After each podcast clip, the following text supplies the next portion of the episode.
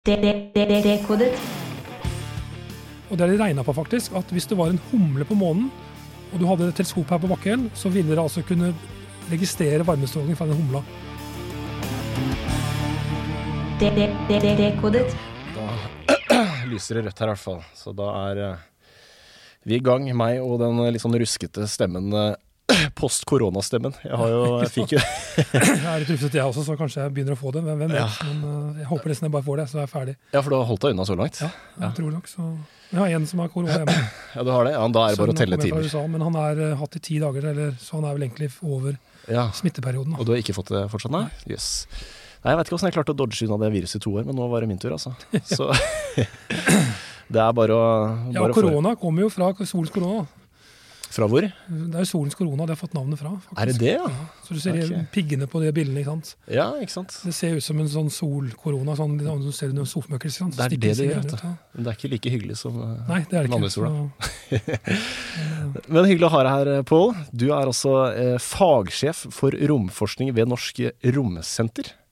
det stemmer. Eh, Jeg er jo tidligere solfysiker, da, har jobbet med forskning tidligere. Vært i NASA i seks år og slike ting. Men så kom jeg tilbake i Norge i 2004 og fikk da en jobb ved Norsk Romsenter.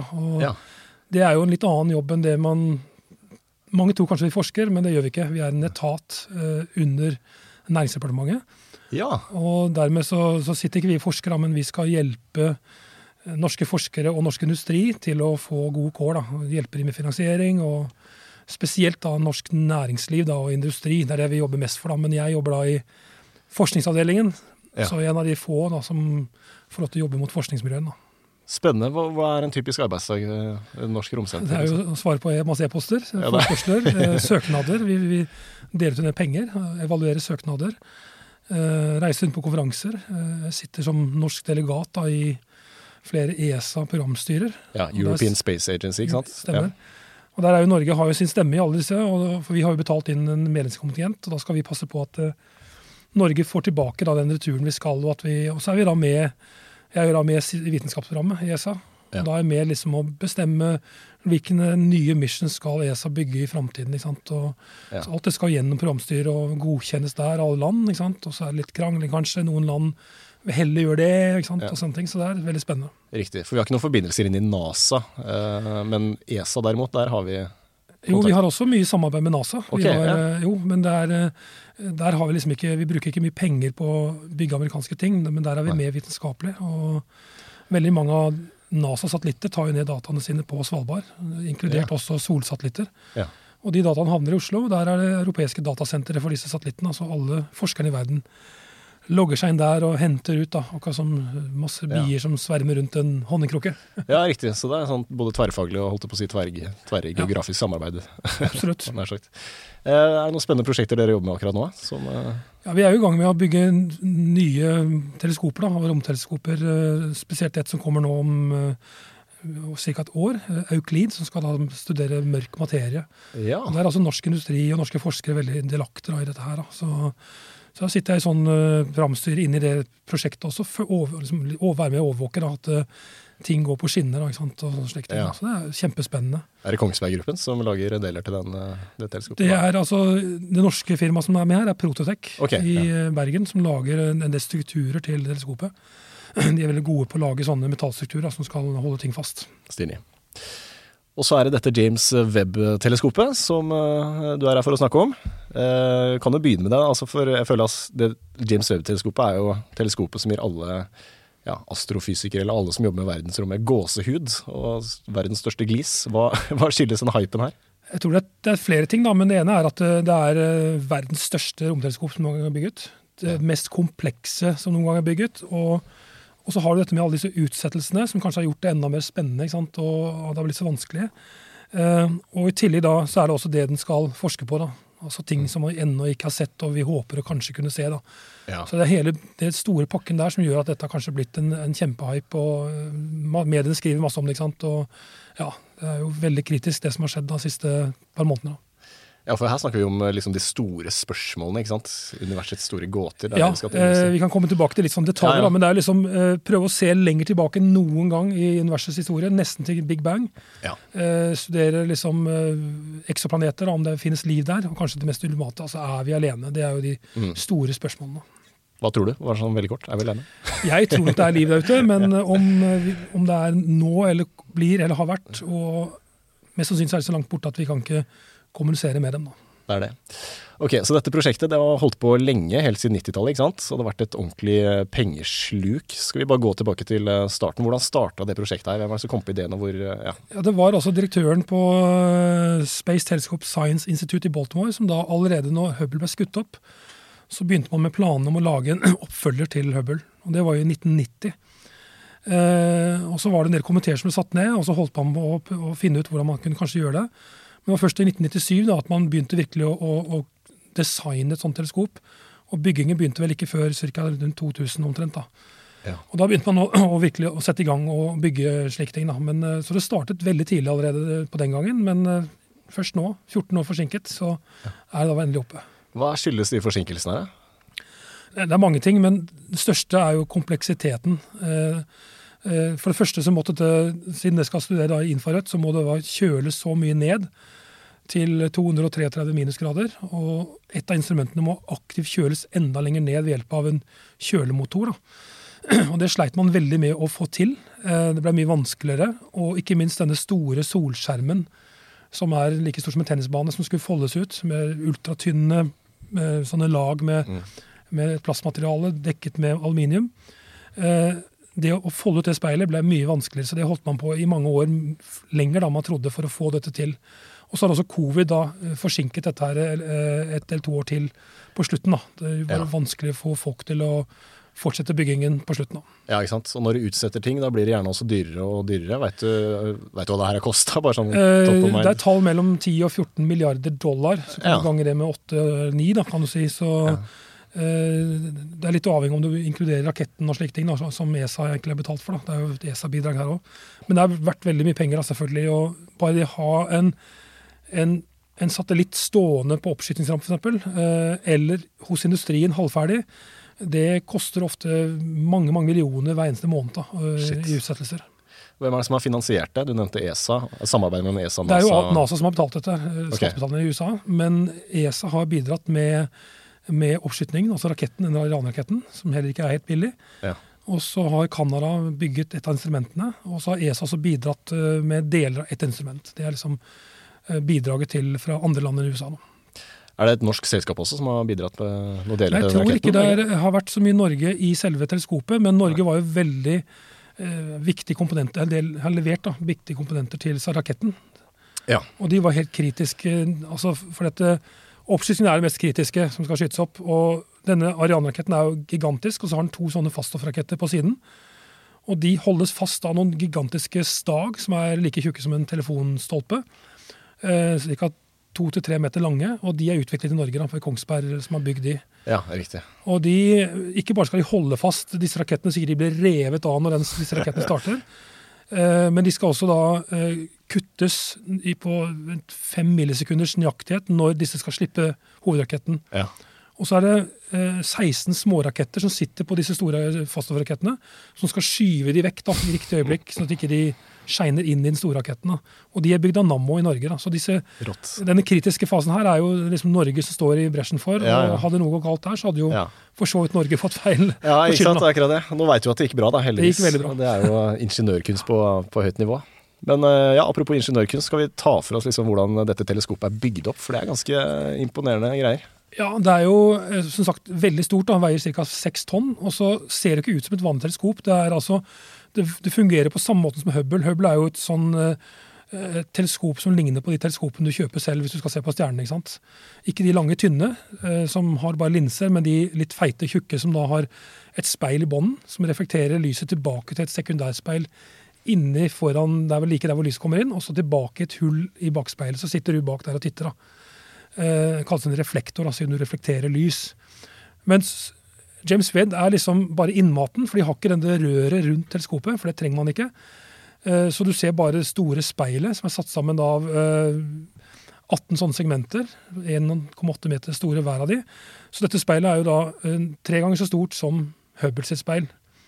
Eh, og så er det da brukt segmenter for at uh, du skal kunne pakke det sammen inn i raketten, for ellers hadde du ikke fått skutt opp. Speilet er også mye lettere, faktisk bare nesten en tredjedel av uh, vekten til Hubbles speil. Mm. Hubble har et speil av, speil av, glass, mens her har du brukt da, som er et veldig lett metall, veldig sterkt, og som da utvider seg veldig lite ved variasjoner i temperatur, da, som er også viktig. da som er belagt dette med gull, da, så det jo, ser jo veldig flott ut. Altså, smykke. Og så har du da noen sånne stenger ut da, som, som har sekundærspeilet, som skal ta lys tilbake inn i selve teleskopet. Men kanskje det mest uvante er det denne kjempestore speilet, nei, dette seilet, da, eller mm. solskjermen som ligger under. Med fem lag med sånne tynne uh, lag. Da. Og det, det, gjør at den ser veldig spesielt ut, kan du si. da. Og Poenget med sol, denne solskjermen er eh, å holde temperaturen såpass lav at instrumentene ikke, at de kan fungere optimalt? Da. Ja, det er helt, helt avgjørende at de skal eh, være såpass kaldt der den observerer. Så selv litt reflektert lys fra både månen og jorda, og spesielt sola, ville ført til at man ikke hadde målt noen ting. Da, hadde man egentlig bare målt seg selv Eh, inni der, kan du si. Ja, så hvis jeg skjønte riktig, så på ene siden av dette teleskopet så er det helt sinnssykt varmt.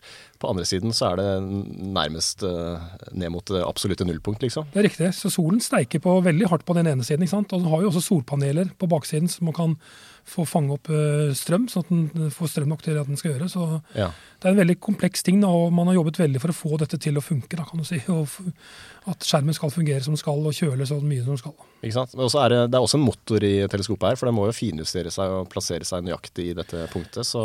Ja, den har jo uh, rakettmotorer, og den fyrte jo av disse rakettmotorene tre ganger for å komme seg inn i den banen rundt dette lagrangpunkt nummer én. Og så har den da drivstoff da, for å, å, fintune denne banen, for ja. den går rundt dette punktet. Og ca. hver tredje måned så må man liksom fyre av disse rakettene litt for å finjustere banen, så ikke den begynner å drive av gårde ut i verdensrommet. Ja, Hvilken type drivstoff snakker vi om her? For jeg så for meg, Det er ikke solcellepanel? Det går ikke på strøm? Nei, er, ofte så er det hydrasin da, som er disse rakettene. Okay. Eh, ganske giftig drivstoff. Eh, og det var jo litt spennende med levetiden. ikke sant? Eh, man eh, har drivstoff nok til ca. ti år. Det var liksom planen. Men helt avhengig av om, om rakettoppskyting gikk veldig perfekt, da, eh, så ville man kunne spare drivstoff. Eller hvis den rakettoppskytingen var litt uh, unøyaktig, så måtte man bruke mye mer drivstoff på vei for å komme seg inn i den banen man skulle. Og Det var jo frykten at det skulle kanskje skje. da, og Da ville man kanskje bare hatt eh, nok drivstoff til fem år observasjoner. Ja. Men da fikk jo den gode nyheten at eh, nei, oppskytingen var bedre enn forventet. Mm. Så nå har man faktisk mer drivstoff enn man eh, trodde man ville hatt. Eh, slik at man forventer at man skulle kunne ha dette teleskopet i langt mer enn ti år. da. Oi, mer enn ti år også? Ja, yes, det er jo ja, litt som med Hubble. Liksom. Man regna vel ikke med at jeg skulle levere data i 30 år? Nei, absolutt ikke. ja, så bra. Kan vi ta for oss, eh, for Nå vet vi at dette teleskopet det er vel nå plassert i dette Lagrange-punktet L2, ikke sant? Ja. Så det har jo gått bra så langt, men det, har, det er mye som kunne gått galt. Altså Snakke om liksom 344 potensielle failure points ja. fra oppskyting til Lagrange. Det er, sant, er helt vilt det som, det som skjedde, da, kan du si. Og, og er, noen har kalt det liksom for at det er en teknisk symfoni. Mm. Der hengsler og trinser og vaier og alt mulig må spille på lag, da kan du si. Um, det var vel over uh, eh, 1400 meter med, med vaiere. ikke sant? Uh, 200 trinser, masse motorer. Og de som har vært om bord i en seilbåt og vet hvis du har liksom fire-fem seil, da, da er det mye som går galt når du skal heise seil og sånne ting. sant? At disse trinsene kan sette seg fast og slike ting. Og det var frykten at noe skulle henge seg opp, da, om at man ikke fikk ut dette solspeilet eller seilet. For da ville man ikke fått den kulda som man trenger. ikke sant? Og det mm. var det mest kritiske. da. Og nå gikk alt helt etter planen. Det er fantastisk. Ja. man fikk foldet ut speilene, og man foldet ut uh, sekundærspeilet. Så alt er liksom nå helt klappet og klart. da. Men kan man sove godt om natta nå og puste letta ut, eller er det fortsatt ting som kan gå galt her? Eh, man kan sove mye bedre, men eh, nå, det, det, man har gjort nå, når man kom fram til, eh, like før man kom fram til eh, dette L2-punktet, det er at man har disse speilene De satt jo helt kan du si, låst fast. da. Hvis man kjøpte kjøpt en vaskemaskin, så når du pakker ut den, så står det at du må skru ut tre svære skruer på baksiden som holder denne trommelen fast. da, for Ellers vil jo den dingle rundt når du transporterer her, eh, denne maskinen. Mm. Så du må først skru ut de før du kan begynne å bruke den. Og Det samme skjedde her. at da man altså kan du si, hevet disse speilene litt vekk, 1,2 cm vekk fra selve plattformen. Slik at de nå kan vippes, ellers kunne de ikke vippe og bevege seg i alle retninger. Så De har altså seks stempler da, som kan eh, vippe på disse, slik at de kan peke i riktig retning når de skal fokusere. Og I tillegg så er det 18 vel sånne stempler bak hvert speil, som kan bøye på speilet og deformere dette her, slik at det vil da bli helt riktig krumning, slik det skal være når man begynner å fokusere. Så, så klart at eh, Hvis noen av disse stemplene da ikke fungerer, så kan man jo ende opp med problemer da med ett eller to av segmentene. Ok, skjønner. Men vi er over det verste? på en måte de... Absolutt, og ja. de har vel testet noen av disse motorene, så jeg tror liksom alt er, de er ganske sikre på at dette kommer til å gå bra nå. Åssen er det med sånn slitasje og sånn, da? Fordi hvis det, hvis det, er noe som blir ødelagt om si tre år, da, så er det ikke så lett å reparere det teleskopet her, eller? Nei, det, det går ikke. Altså, Hvis man går tilbake til Hubble, så var jo Hubble bygget nettopp med tanke på å kunne repareres. Ja. Uh, den var jo bygd, altså Speilet var bygd akkurat så stort som var plass i romferjen. Uh, 2,5 meter.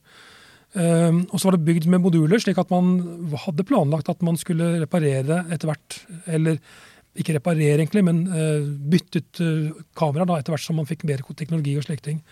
Um, så man var jo oppe fem ganger og reparerte.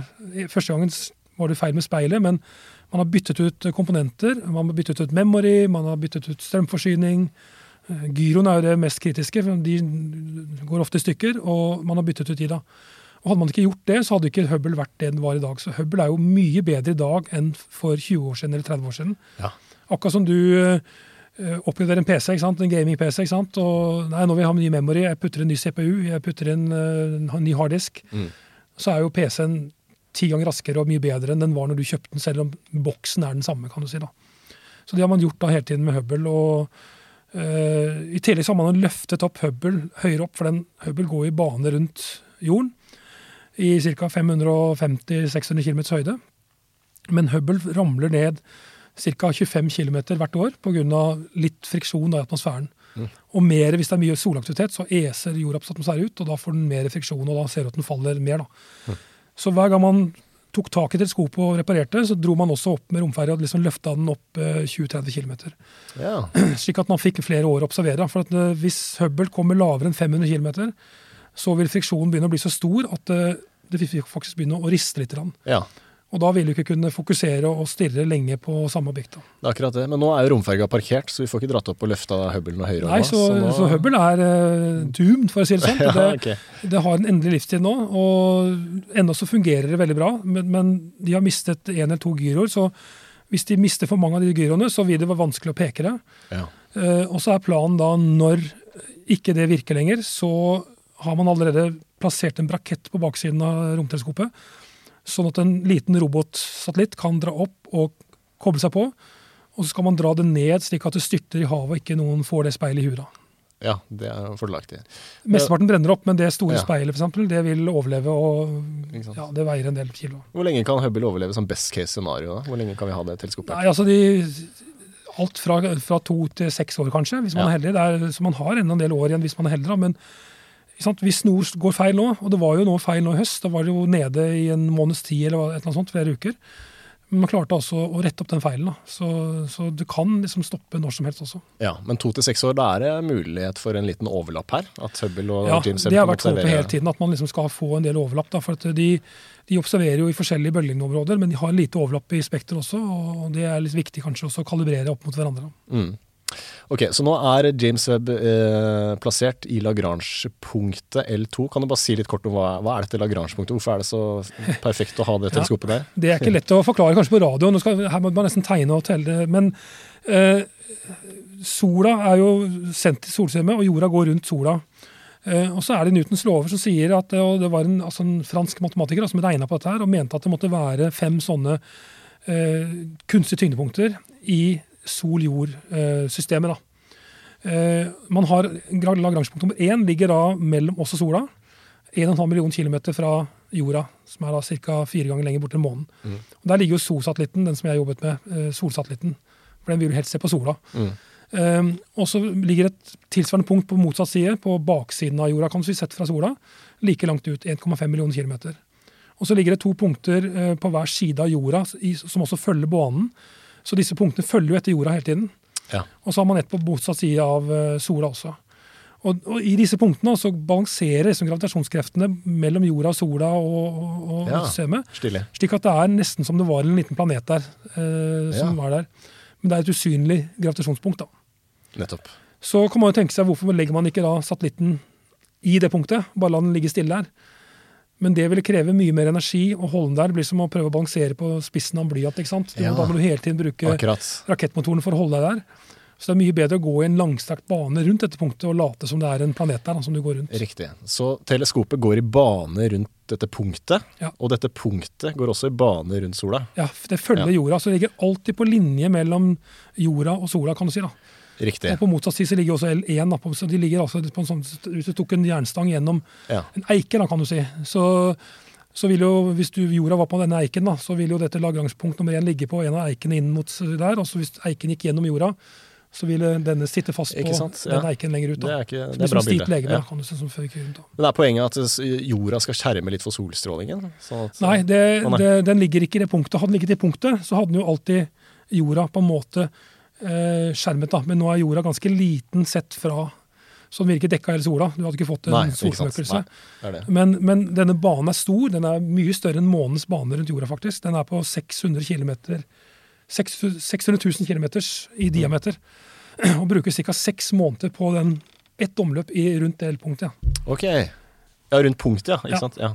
Og det betyr også at den antenna som sitter da på, ehm, på James Webb, som skal sende dataen tilbake til jorda, Mm. den kan ikke være stiv. si. Den må også kunne bevege seg. ja. Så nå, hvis, Ja, hvis, så den hvis denne mikrofonen da, nå ser du at hvis den mikrofonen da er eh, jorda, og jeg er James Webb, så vil jeg noen gang bevege meg her borte, og da må antenna peke den veien. ja, Og så må den peke den veien, og så må den flytte seg hele tiden. og sånn, sånn, den må hele tiden bevege seg da, med en motor. Ja. Og det kan du nevne da Soho, da, satellitten som jeg jobbet med, den fikk jo antenna der, ble jo sittende fast. Oh, ja. Plutselig satt den fast, fikk ikke lirka på den. Så klarte man da til å flytte den i det mest optimale punktet, slik at man pekte mot jorda i halve omløpet. ja.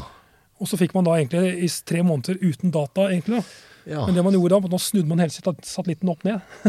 Sånn at antenna igjen pekte der. Da. Så da løser man det problemet med en sånn smart løsning. Da. Ja, Genialt.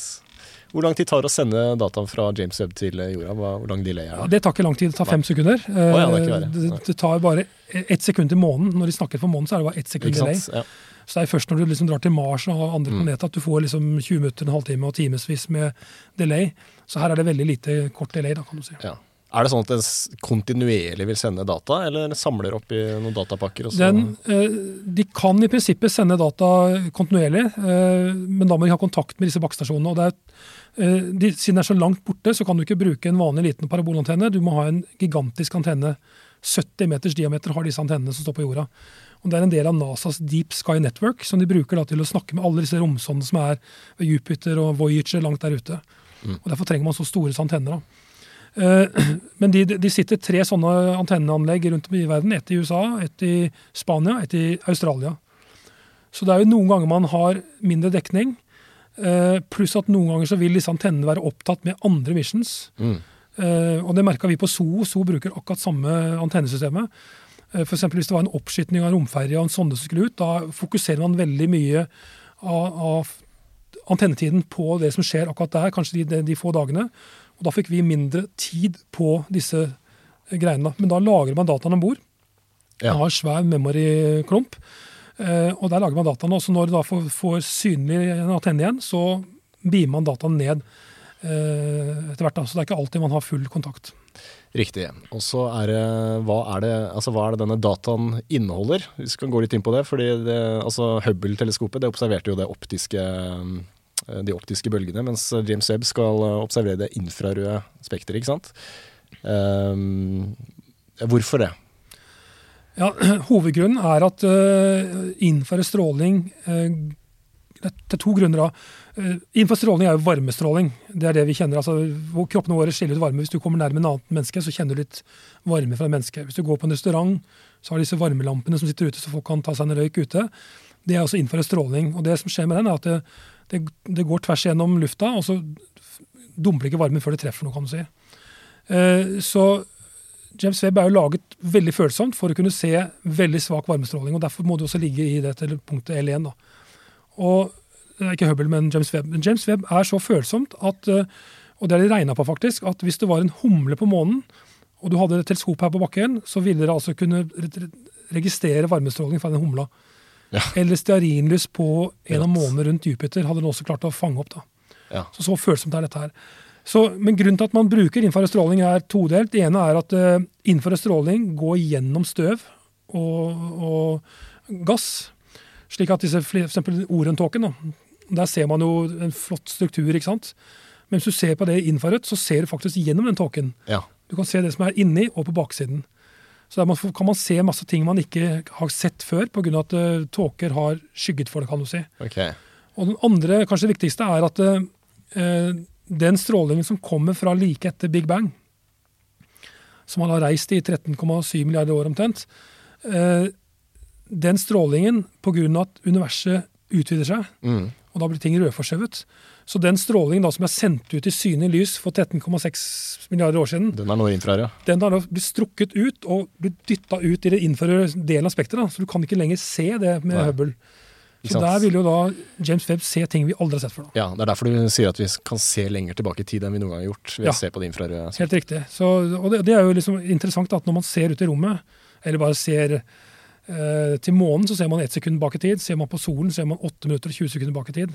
Nærmeste stjernen ser man fire lys tilbake i tid. altså Det fire år tilbake i tid. er fascinerende. Så det er jo liksom lenger ut, jo, jo lenger tilbake i tid ser vi også. Så det er jo egentlig som en tidsmaskin, dette. Ikke sant? Men registrerer James Webb kun infrarød, infrarød stråling, eller også mikrobølgestråling og enda lengre Det er, bølger? det er stort sett infrarødt, og så okay. går den litt inn i synlys. Så Ja. det har en liten overlapp da med Hubble. Og det er det som er interessant, at de, hvis de kan observere sammen, så vil man kunne virkelig karablere og se, lære mer om hva den andre har sett.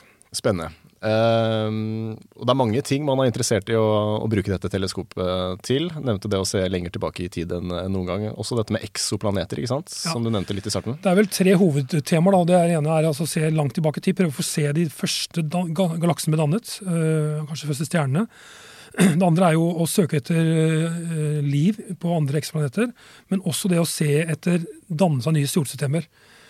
Hubble har jo kunnet se noen få sånne eksempler på nyfødte stjerner. Mm. Mens eh, James Webb vil kunne se disse og følge disse mye mer, for de ligger ofte inni disse tåkene, som er vanskelig å se inn i. Mm. Eh, Men kanskje det mest spennende, syns jeg, da, det er jo eh, å se etter liv på eksoplaneter. da. Ja, Når vi snakker om å se etter liv på eksoplaneter, da handler det om å identifisere hva slags kjemisk sammensetning det er i atmosfærene rundt disse eksoplanetene. ikke sant? Ja, og Det er altså ganske fascinerende. Hvordan gjør man det? Det er noe med Ja. spektografi eller et eller Vi annet sånt? vil ikke liksom plutselig se noen Nei, romfartøyer som sverrer rundt det. sånn. eh, Disse planetene er jo så små at du kan jo ikke se dem. ikke sant? Og, og så kan man spørre hvordan man har oppdaget disse eksoplanetene da. Jo, man, den, den mest vanlige metoden er å se på lyset fra en stjerne og se om det svekkes av og til. For de som har vært heldige å se en Venus-passasje eller en Merkur-passasje, da går jo planetene foran solskiven og blir en liten mørk prikk da, som, som beveger seg over. Men hvis man måler da solens utstråling veldig nøyaktig, så vil man se at solens utstråling blir redusert litt når den Mm. flekken da går over solskiven. Og det har man brukt da, og, og man hadde et teleskop som heter Kepler, eh, romteleskop, som har liksom lett etter eksoplaneter da, og sett etter lysvariasjoner i stjerner som man vet er ganske stabile. Og, og man har funnet over 4000 sånne eksplaneter ved hjelp av denne passasjemetoden. da. Og så kan man også bruke doppelskift ved å se på at eh, en stjerne vil faktisk bli trukket litt på av planetene som går rundt seg. Ja. Og dermed så vil man eh, kunne si at det er planeter rundt der, for du ser den, den vugger fram og tilbake.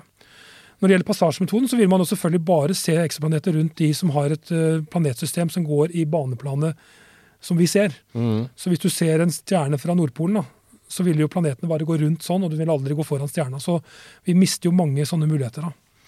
Så, så, så vi vet at de er der. Og så har man brukt uh, Hubble allerede, men skal også bruke da James Webb, som er enda bedre, til å studere lyset som har gått fra stjerna og gjennom kanten av planeten, altså gjennom atmosfæren til planeten.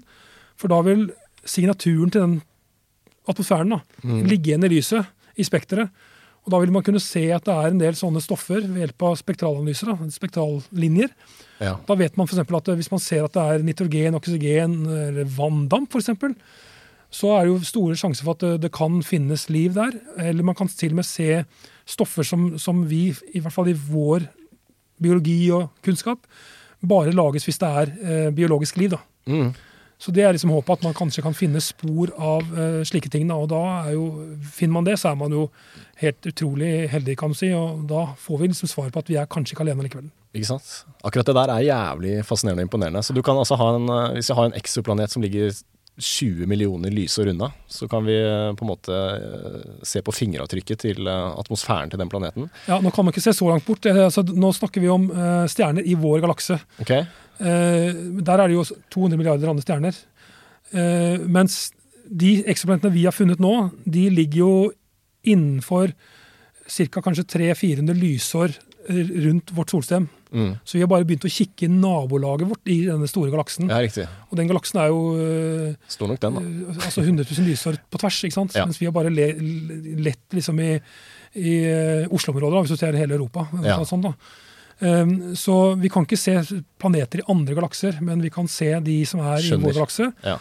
Fortsatt imponerende. James Webb kan se enda lenger, men vi snakker altså om etter hvert kanskje 100, altså kanskje 1000 lysår borte. Ja. Og studere lyset fra de. da. Så dette blir fantastisk spennende. altså. Men hvor stor nøyaktighet snakker vi da? Kan vi liksom si at den eksoplaneten har en atmosfære som inneholder 20% oksygen, 13% nitrogen? Er, er, vi på det nivået, liksom? Jeg vet ikke om du kan klare å, å, å si det så nøyaktig, men de, de, de kan i hvert fall si at uh, hovedbestanddelen i en atmosfære er sånn og sånn. Det kan de se for hvor, hvor mye og sterke de spektrallinjene er. da. Det som er fint med spektrallinjer, er at de gir et mål på fysikken der hvor lys ble sendt ut. Og Det er jo sånn vi gjør med sola også. Vi, vi kan mye om sola og andre objekter der ute fordi vi har brukt spektroskopi. Uh, Hubble tar flotte bilder, og ja, det, det var kjempefin galakse. ikke sant? Eller det var kjempefin. Men det sier ikke noe om fysikken. Mm. Uh, du ser på strukturene. Mm. Men hvis du da lar lyset fra sola eller andre objekter gå gjennom et prisme, eller uh, altså lager et spektrum, så spretter det ut altså, lyset i en regnbue, og så vil du da noen gang se disse spektrallinjene som er der, som indikerer at det er Eh, oksygen eller jern eller silisium og sånne ting. Og formen på denne spektrallinjen, eh, hvis du plotter den som en sånn kurve, da, kan du si, så, så vil liksom intensiteten sier noe om hvor mye gass det er der. Eh, bredden på den sier litt om temperaturen på den gassen i, i atmosfæren der. Om den er flytta seg fra der den skal være, sier noe om den gassen beveger seg mot oss eller fra oss. Ikke sant? Ja. Derfor vi også vet at galakser er rødforskrevet. Så spektroskopi er liksom det viktigste hjelpemiddelet for å forstå fysikken i det vi ser langt der borte.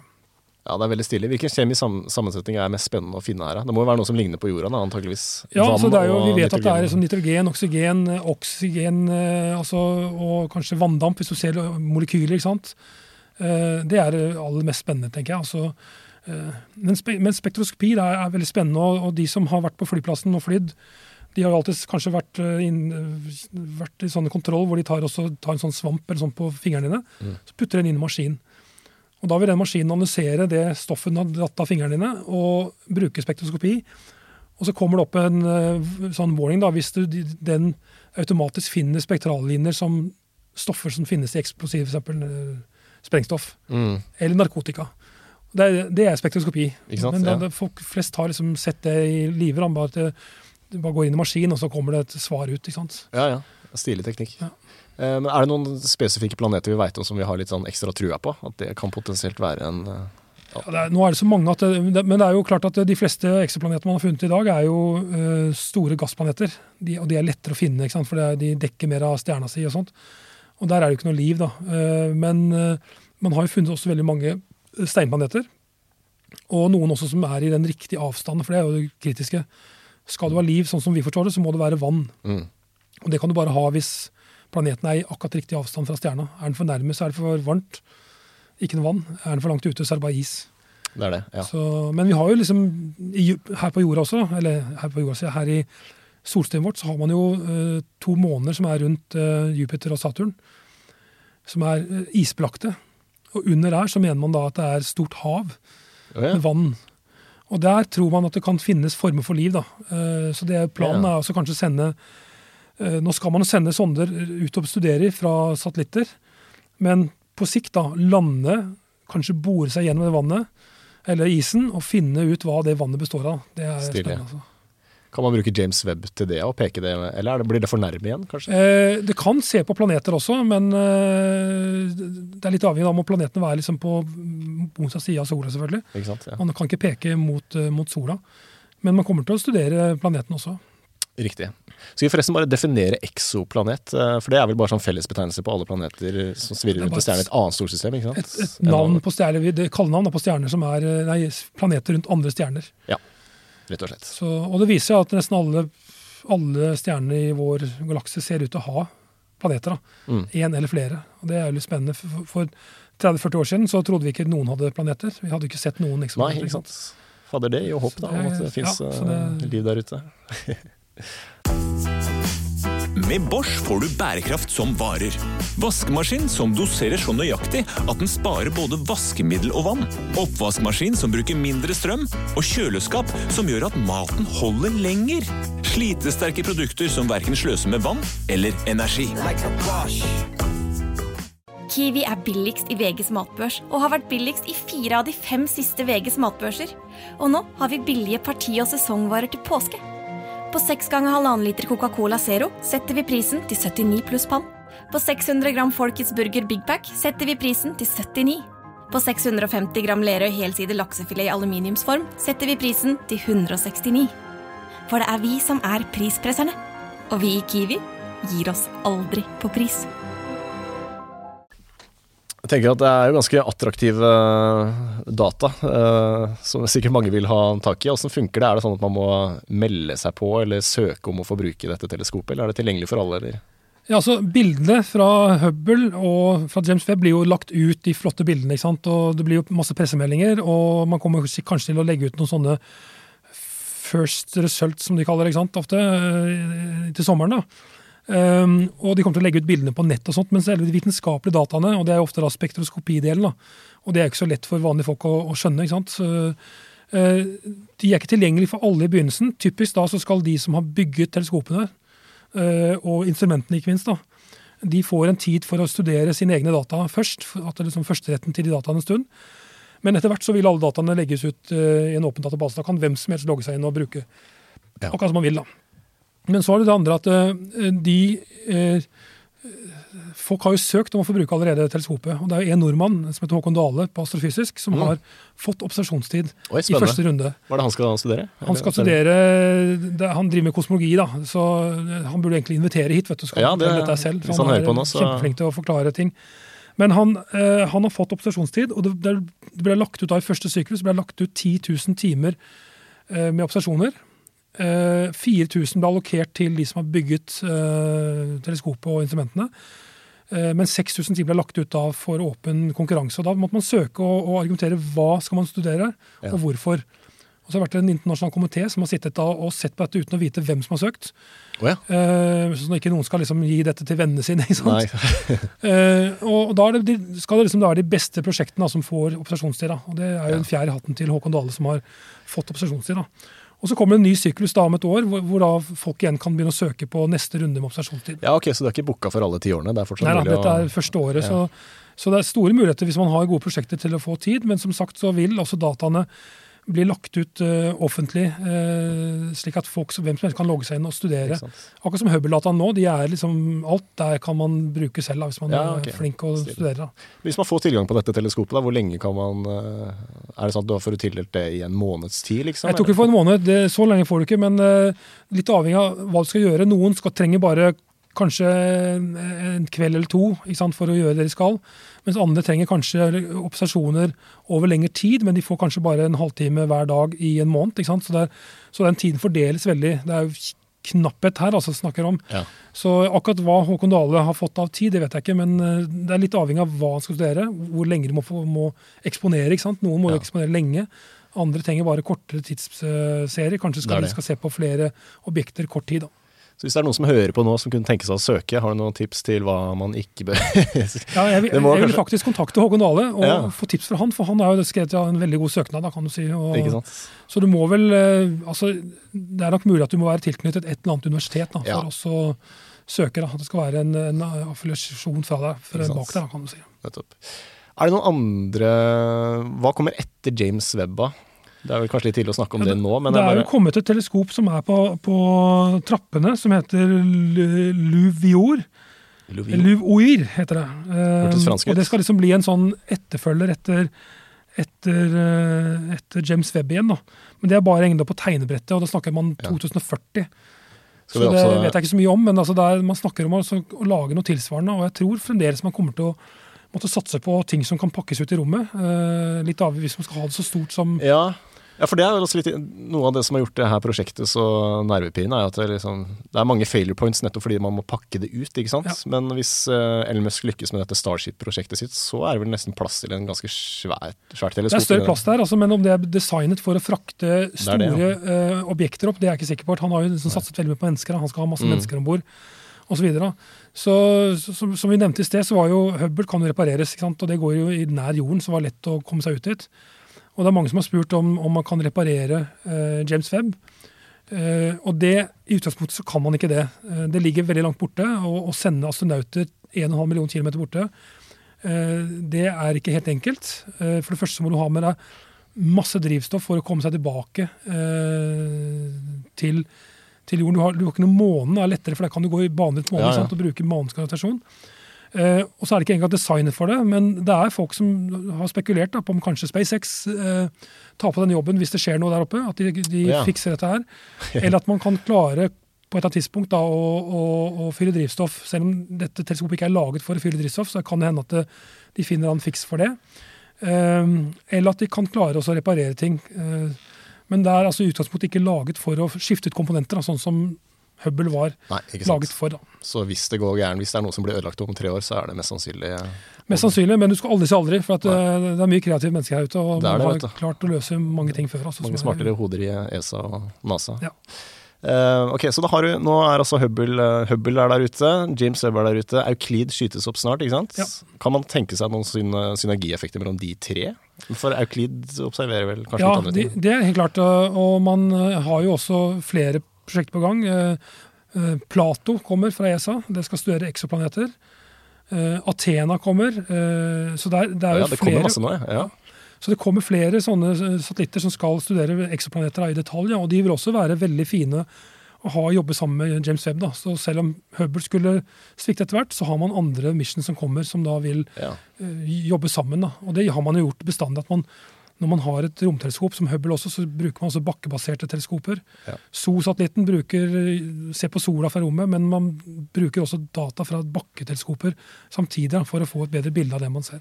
Det er jo deilig å være romnerd i disse tider. Det skjer masse. Ja, det er kjempegøy. da. Jeg, jeg skulle egentlig vært på den oppskytingen, men det ble jo ikke nå, selvfølgelig. Men det var veldig synd. Så det, På oppskytingen til James Webb. eh, ja, James jeg var invitert som sånn VIP-gjest av ESA. Ja, det hadde vært rått. og dagen før vi skulle reise, så ble turen kansellert pga. Delvis covid, og at eh, Ja. vi måtte da være på julaften. da. Ja. Så det var, eh, ja. Ja, ja.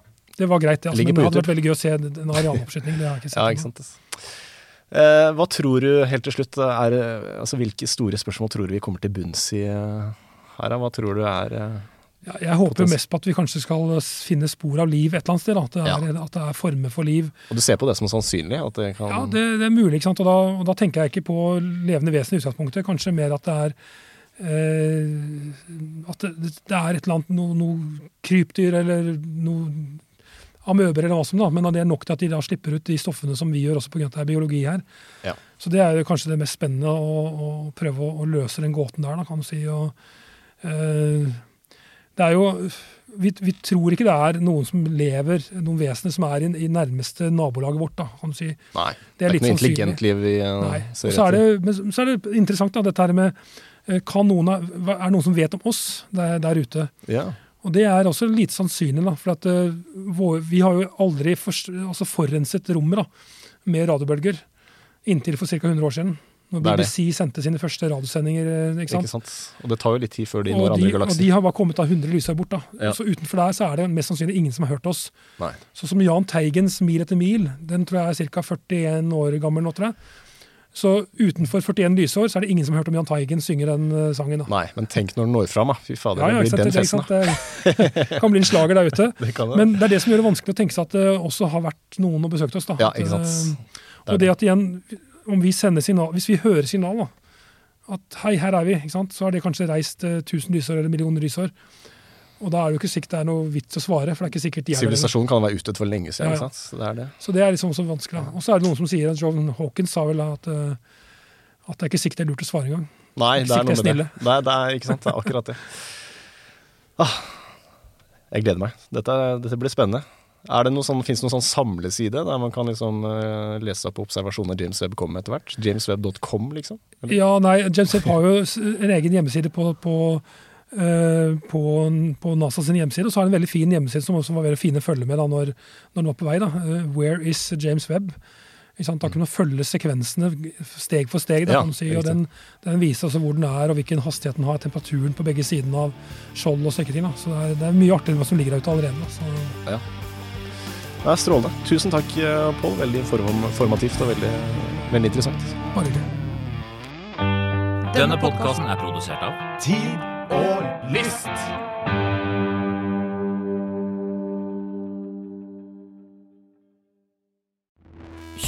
nye sparetips hos Kiwi. Dette er mitt sparetips. Nyheten First Price kjøttdeig svin uten tilsatt vann og salt. Garantert billigst i Kiwi. Nå får du First Price kjøttdeig av svin til 29,90, First Price bacon til 21,90 og mange andre First Price-nyheter hos Kiwi.